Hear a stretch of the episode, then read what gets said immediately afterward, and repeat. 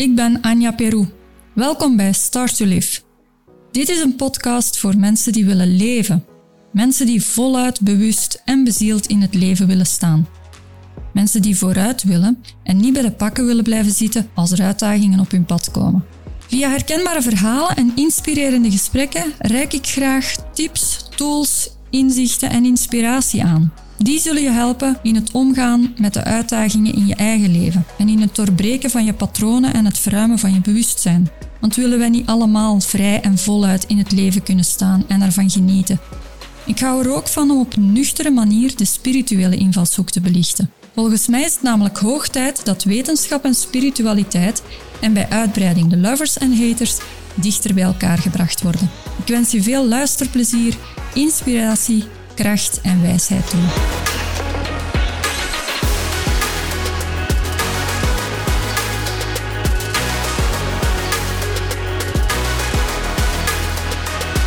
Hallo en welkom in een nieuwe aflevering waarin ik het over een oldtimers huwelijk wil hebben.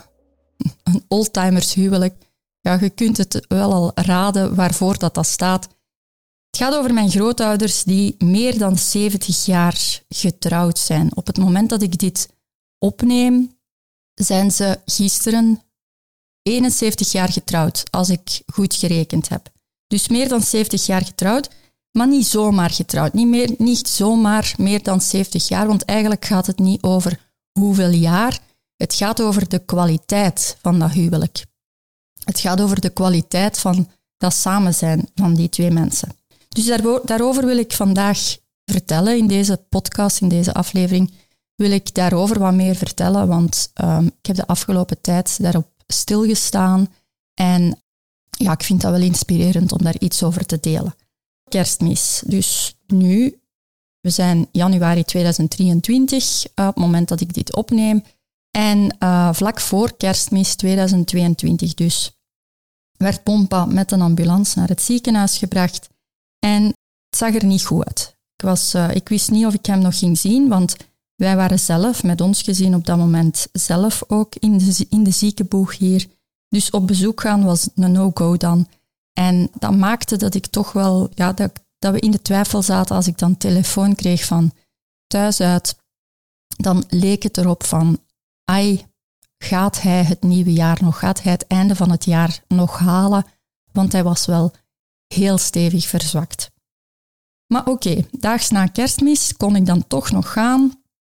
Ik was dan toch zelf uh, op, op krachten terug, of we waren zelf terug uh, genezen hier in het, uh, in het gezin. En ja, het lukte mij om te gaan. Ik had wel er vlak voor nog ja, een telefoontje van mijn broer gekregen van zorg dat je er toch zo snel mogelijk nog geraakt, want goh, hij is toch wel heel zwak. Goed, dus ik kom aan in het ziekenhuis en het moment dat ik daar binnenkom, zie ik effectief een verzwakte oud, een verzwakt oud manneke reutelend in zijn bed uh, liggen. Maar dan, het moment dus ik dacht in eerste instantie van, oh jee, dat, uh, dat ziet er niet goed uit. En hij zei het zelf ook. Hij, hij gaf zelf toe van, ja, ik ben op, ik ben versleten, uh, het gaat niet meer. Maar dan, wat gebeurde er dan? Dan moet ik er ook nog even bij zeggen. Hij wilde ook de zorg, de, de, zijn, zijn zuurstof die hij toe, eh, de, de, de zuurstof of het, het, masker dat hij moest opzetten om zijn om zijn medicijn eigenlijk in te ademen. Dat wilde hij niet meer hebben. Hij wilde eigenlijk ook niet meer, niet meer eten of het ging hem niet meer om te eten. Zwat, de zorg liet hij ook zo niet meer toe. Hij was dus, in ons gevoel, was hij eigenlijk gewoon aan het opgeven. Maar op het moment dat ik daar bij hem op bezoek was, werd op dat moment ook uh, ons Pepe binnengereden en uh, kwam zij bij hem op bezoek in het ziekenhuis. En ze zet zich naast hem en zij begint eigenlijk haar automatische zorg naar hem toe. Ze begint eigenlijk, ja, zoals dat ze elkaar al zo lang kennen. En ja, begint ze eigenlijk met gewoon te kijken naar, heb je al iets gegeten? Heb je, uh, ja, nee, nog niks gegeten. Ah, hier ligt een koekje. Heb je, wilt je een koekje eten? En vlak voor ik vertrek, ben ik daar nog eventjes mee aan het helpen om, om ja, gewoon dat ze dat, ze dat koekje kon geven, de, de tanden die, die hij moest uh, insteken terug, was ik even aan het aanreiken allemaal. En dan zag ik eigenlijk iets wonderlijks gebeuren. Dat oud, zwak manneken eigenlijk, dat daar, dat daar lag, die leefde ineens op. En ineens begon die die koek te eten alsof dat, uh, ja, alsof dat hij een, helemaal verhongerd was. En dat ging eigenlijk ineens allemaal vlot binnen. En je zag daar terug kracht in komen. En dat vond ik een heel mooi tafereel om te zien van wow, die, die, die liefde, die zorg naar elkaar toe, of hè, de, de zorg geven en ontvangen, dat vond ik zo mooi om te zien welke kracht dat daar terug naar boven kwam door ons grootmoeder die daar bij hem kwam en waar dat hij zonder enig muurtje of zonder enige, um, maar dus in vol vertrouwen, ontvangt hij de zorg van zijn vrouw en geeft dat hem kracht opnieuw. Ik vond dat, eigenlijk, ik vond dat zo een mooi tafereel, waardoor dat ik daarop ben blijven stilstaan. Hij is terug op kracht gekomen, dus vanaf dan, vanaf die dag, is ons grootmoeder elke dag naar het ziekenhuis gebracht om daar een aantal uren bij hem te zitten en uh, om voor hem mee te zorgen. En daardoor is hij terug op krachten gekomen en heeft hij ook terug de goesting gekregen om naar huis te geraken. Want daarvoor zei hij van, ik raak hier dat ziekenhuis niet meer uit, uh, jullie gaan mij niet meer terug thuis zien. Het zal, het zal, als ik hier buiten kom, dan zal het in een andere wereld zijn dat ik terechtkom. En toch is hij dan terug op krachten gekomen en toch is hij vlak na nieuwjaar naar huis gebracht terug. Wat wil ik daar dan meer over vertellen? Van ja, hoe, waar heb ik dan op stilgestaan? Ik weet nog dat ik tegen mijn man zei in het naar huis uh, rijden toen, van amai, dat is toch, dat is, dat is toch eigenlijk wonderlijk hoe schoon dat, dat die twee, hoe graag dat die elkaar zien en wat dat, dat doet, welke kracht dat dat geeft. En hij zei daarop, ja, maar ja, als je al meer dan 70 jaar samen bent, die mensen die kennen elkaar al meer dan 70 jaar, dus ja, dan is dat toch niet zo verwonderlijk. En toch is dat wel verwonderlijk, want daarop koppelde ik hem ook terug van, ja, er zijn nog meer mensen die een oldtimers huwelijk hebben en samen zijn uh, al jaren en die op hun oude dag elkaar het leven nog altijd zuur maken. Dus die kwaliteit van, van dit huwelijk, die zit wel schoon in elkaar en die zit wel uh, heel sterk. Terwijl dat je zoveel relaties ziet waar dat ze, of als ze al samengebleven zijn, en dus je ziet heel veel scheidingen, waar dat mensen um, samen blijven tot ze elkaar de, de, kop kunnen inslagen, bij wijze van spreken. Hè. Dus ze blijven zo lang mogelijk rekken om samen te blijven voor de kinderen, want dat is dikwijls de drijfveer. Voor de kinderen blijven ze samen, maar ze kunnen tegelijkertijd drijven ze het zo ver op de spits dat ze elkaar de kop in kunnen slagen en dat ze, als ze uit elkaar gaan, dat dat echt in, ja, in volle boosheid, door alle schade die er ondertussen is aangericht naar elkaar toe, gaan ze dan uit elkaar. Maar dan gaan ze in een soort van vechtscheiding, want ze moeten elkaar toch nog eens laten voelen wat dat de andere hun toch gekwetst heeft. Zo zie ik, zo zie ik mensen uit elkaar gaan dikwijls. Hè. Ze hebben de goede voornemens van, ja, als wij ooit uit elkaar gaan, als we er nog aan, aan als we eraan denken dat we ooit zouden moeten scheiden, goh, dan hebben we voor onszelf voorgenomen dat we dat in vrede en, en harmonieus gaan doen voor de kinderen. Maar doordat ze het zo lang trekken, ik ga daar hier even op blijven doordrammen, doordat ze het, want ik vind dat een belangrijke, want het is allemaal in belang van de kinderen, maar ze beseffen niet hoeveel schade dat ze aan kinderen ondertussen aanbrengen. Dus in het belang van de kinderen blijven mensen samen en ze nemen zich voor van, en als we ooit scheiden, dan gaan we in het belang van de kinderen dat op een goede manier doen. Wat dat ze niet beseffen is dat ze zo lang mogelijk samen blijven en zo lang mogelijk blijven trekken en sleuren aan het verhaal op een manier die zij denken dat goed is om dat huwelijk vol te houden, met dat goede voornemen van ja, het is in het belang van de kinderen en we gaan er het beste van maken. Ondertussen zijn ze een etterende wonde aan het laten ja, veretteren. Hè. Die wonde die blijft aanslepen. En op het moment dat ze dan niet anders niet meer kunnen, dat het zoveel pijn doet en dat ze niet anders niet meer kunnen dan zeggen van ja, we, we moeten hier uit elkaar, want, want we, we brengen hier gewoon te veel schade aan aan, aan onszelf dan en aan de kinderen. Het moment dat ze toegeven van we moeten wel, dan is er zoveel kwetsuur in al die afgelopen jaren daarvoor geweest, omwille van dat ze volgehouden hebben voor de kinderen. En dan gaan ze in nog eens een keer bij de scheiding, nog eens een keer het relationele onrecht recht willen zetten. want er is een, um, bij een scheiding gaan mensen de rechtvaardigheid van de verdeling van de materiële dingen, de verdeling van, van het financiële uh, nastreven. Ze gaan een rechtvaardige verdeling maken van de kinderen, alsof dat je een kind in, als een stuk taart in stukken doet. Hè.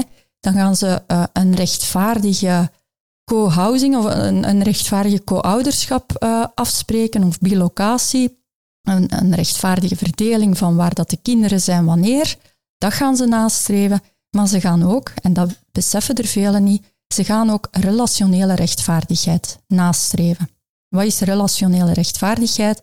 Ah, dat is alles wat dat er aan onrecht tijdens de relatie geweest is en wat dat er gekwetst heeft, dat gaan ze bij de scheiding mee in de rekening steken, want dat moet nog rechtgezet worden. Het kwetsuur van 15 jaar geleden moet bij de scheiding, de relationele rechtvaardigheid moet bij de scheiding rechtgezet worden. En daardoor blijven mensen dus elkaar de duivel aandoen, ook na een scheiding.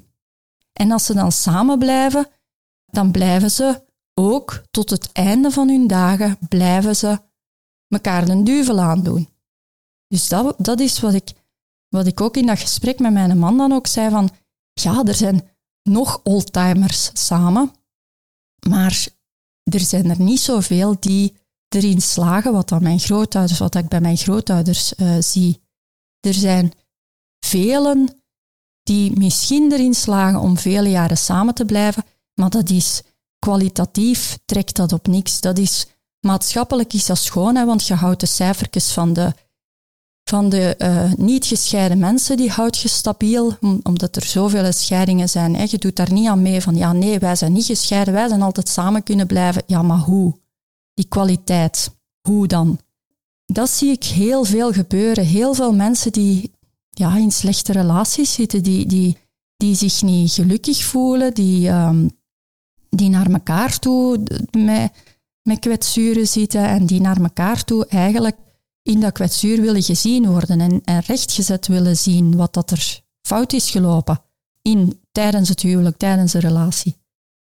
Maar je ziet dus, dat kan ook anders. Is dat dan dat mijn grootouders zo een uitzonderlijk verhaal zijn? Ja, je kunt dat inderdaad denken van, ja, maar ja, dat zijn die enkelingen. Ja, maar wat doen die dan? Gaat, gaat, dat is zo waar ik dan naar kijk van, ja, laat u daardoor inspireren, want dat is ook mogelijk voor, voor iedereen. Je hoeft toch niet gewoon in de gedachte te zitten van, ja, maar ja, dat is voor de uitzonderingen, voor mij niet bestemd, dus koppen neerleggen en, uh, en gewoon ondergaan. Ja, dat type persoon ben ik niet. Dat, vind, zou ik, zou, dat zou ik echt wel zonde vinden als mensen uh, zo ja, voor zichzelf zeggen van ja, voor mij is dat niet mogelijk en er gewoon niks mee kunnen of niks mee willen zien. Dus laat u inspireren. Wat is dat dan dat mogelijk is? Hè? Wat ik bij mijn grootouders uh, zie, is dan nu dat mijn grootvader in het ziekenhuis ligt, dat dat ineens, dat je die, die liefde ziet en die kwaliteit. Nee, ik herinner mij nog een foto van ik denk dat ik in middelbare school zat, dus zullen mijn grootouders toen in de 60 geweest zijn? Of ja, geen idee, ik ben nu laat op aan het denken. Maar dat is, dat is een foto die ik mij herinner dat we een nieuwjaar gevierd hadden, allemaal samen met de familie. Toen, uh, toen was het nog zo met heel de familie, met alle kleinkinderen samen. Mijn overgrootvader leefde toen niet meer. Maar dus dan was ik voor beide, voor beide 13 jaar, maar ook nog geen, nog geen 18, ook nog niet. Dus het was in mijn middelbare schoolleeftijd ongeveer ergens. En nadat de hele familie samen nieuwjaar had gevierd, in onze familie was dat nieuwjaar, niet kerstmis dat we vierden, maar nieuwjaar. En uh, nadat we allemaal samen gevierd hadden, dan was het ook met z'n allen samen de afwas doen. En dan was er zo een foto die me bijgebleven is, dat mijn grootvader en mijn grootmoeder zo'n echte warme, intense knuffel aan elkaar gaven en dat je zo die, die blije gezichten op die foto zag en dat die elkaar zo echt een, een goede stevige knuffel gaven. En dat is eigenlijk een beeld wat dat het grootste gedeelte van de tijd mij bijgebleven is of herinnering is van mijn grootouders. En wat ik, wat ik fijn vind dat ik dat in mijn leven ook gezien heb en wat ik iedereen zou willen meegeven om daar zelf ook met de eigen relatie aan te werken. Want hoe fijn is het dat je aan je kinderen en aan je kleinkinderen ook kunt laten zien dat ze dan niet alleen uit de boekjes moeten, moeten, moeten leren of niet alleen van filmpjes moeten zien van wat dat, wat dat liefde is of, of hoe dat je liefde met elkaar en warmte aan elkaar kunt geven. Dat is heel fijn om dat meegekregen te hebben of dat, of dat ook gezien te hebben. Dus dat wens ik, ik wens dat eigenlijk alle kinderen toe, dat ze dat van hun ouders en van hun grootouders kunnen meekrijgen of dat ze dat ook in hun leven kunnen ervaren dat dat er kan zijn. En als jij dan degene bent die dat zelf niet hebt gekregen in je eigen leven, als je dat niet van je eigen ouders of grootouders hebt gezien, dan wens ik u dat toe dat je dat voor jezelf gaat beginnen creëren, hoe oud dat je ook bent, maar dat je dat voor jezelf kunt gaan creëren, zodat je dat alsnog voor je kinderen of je kleinkinderen kunt gaan meegeven. En dat je jezelf de allermooiste liefde in je leven gunt. Als je nog geen partner hebt, dat je daar ook je mindset of je vibe op kunt hebben van ja, maar ik ben dat waard als er iemand in mijn leven komt dat dat iemand waardevol is en dat dat iemand is die, waar, dan, ik een kwaliteitsvolle relatie mee heb. Liever een kwaliteitsvolle relatie dan een flutrelatie en liever geen relatie dan een flutrelatie.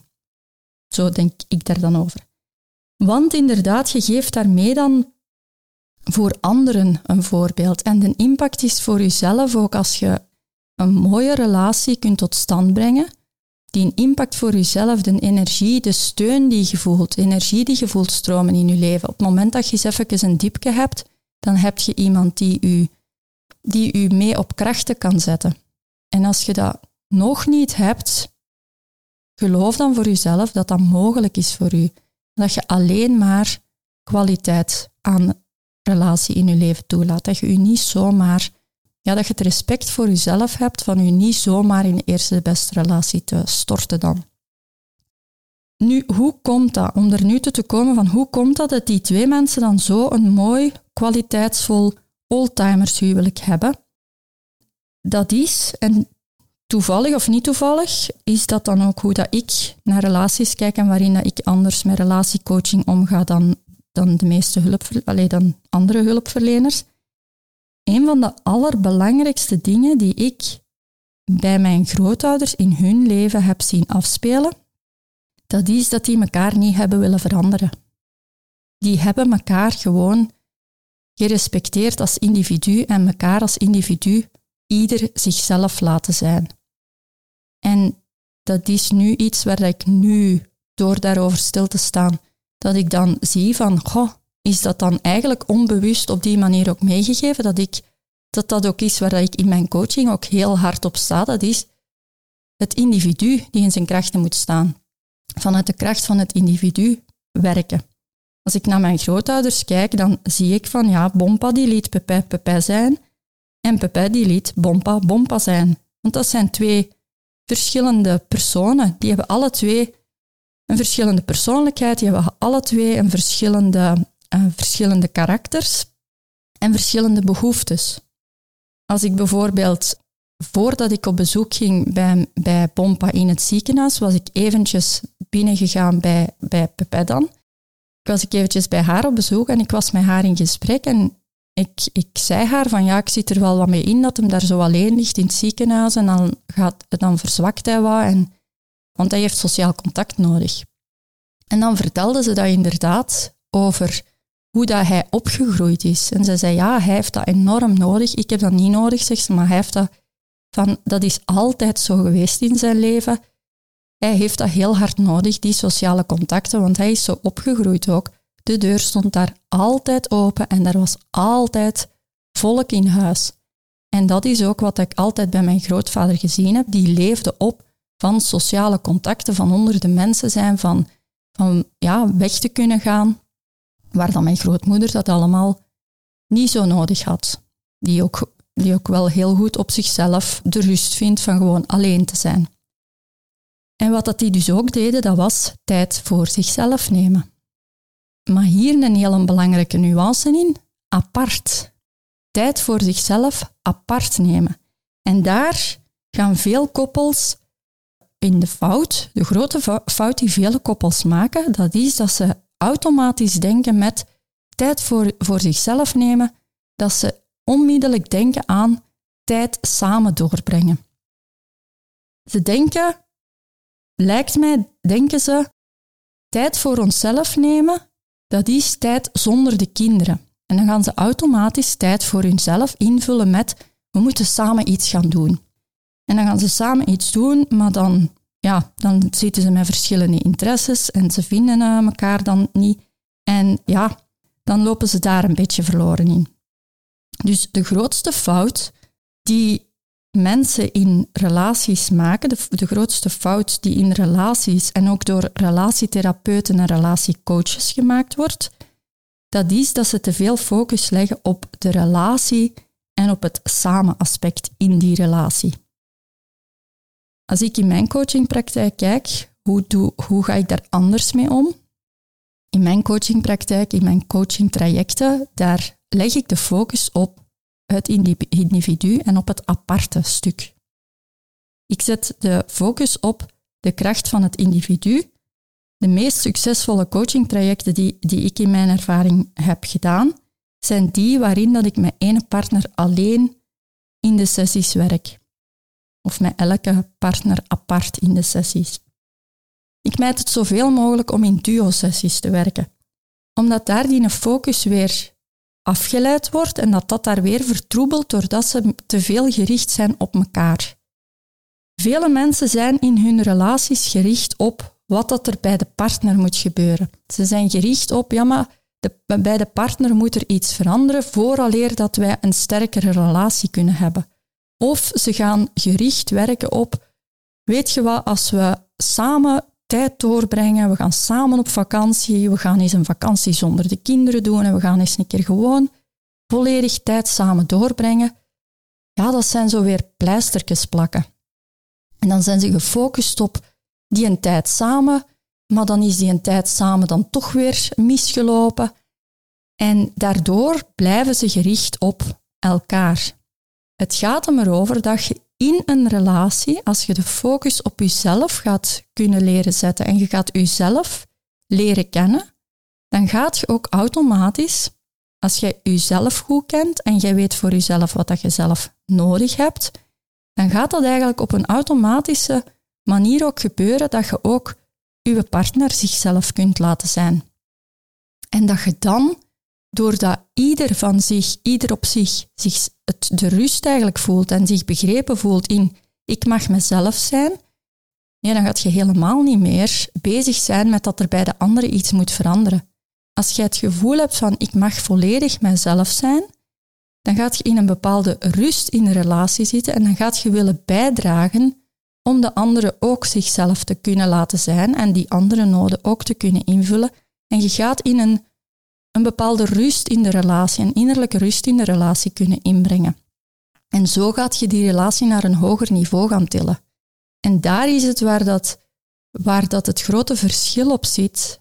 Als je de focus weghaalt van de partner en de relatie, maar je bent vooral bezig op wat is er wat dat, wie dat ik ben, wat dat ik nodig heb. Je gaat je eigen zuurstofmasker leren opzetten. Dus eerst zuurstof aan jezelf gaan leren geven, dan gaat je vanuit die zuurstof zuurstof kunnen geven aan de relatie.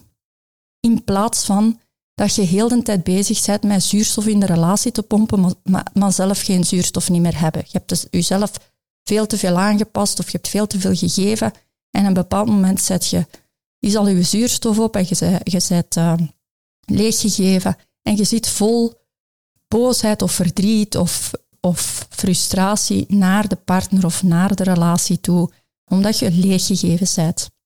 Nee, ga naar je eigen zuurstofmasker. Durf jezelf op de eerste plaats te gaan leren zetten en in eerste instantie te kijken naar hoe kan ik ervoor zorgen dat ik op mijn eentje mij goed in mijn vel kan voelen om dan op die manier van, van, vanuit de anderen ook uh, er zuurstof mee te kunnen aan geven en zuurstof mee in de relatie, uh, ja, dat, die, dat die groeit. Doordat je ook automatisch vanuit elkaar die rust voelt.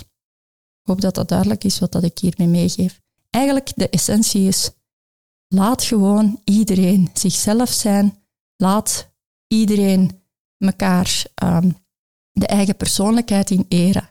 En ga daarin kijken naar hoe kun je daar in rust samen gaan leven. Als iedereen zichzelf kan zijn binnen het geheel, dan gaat het geheel daar zijn voordeel van hebben. Eigen zuurstofmasker eerst dus. En die is voor iedereen mogelijk. Je moet alleen het willen en je moet alleen vanuit die invalshoek ja, nieuwe terreinen durven gaan verkennen. Als je daar meer wilt over weten of als je getriggerd bent, dan zou ik zeggen, ga naar, ga naar mijn website en ga daar de blogs lezen, ga, daar, uh, ga er daar meer over lezen, over wat ik te vertellen heb. En vraag een gesprek aan voor coaching als je hier voelt dat je hierin getriggerd bent. Veel relatieplezier, veel, uh, de relatie met jezelf in eerste instantie om te beginnen, daar begint alles. Veel groeiplezier daarin, veel uh, liefde toegewenst. En ik wens u uh, ook een, een oldtimer relatie toe.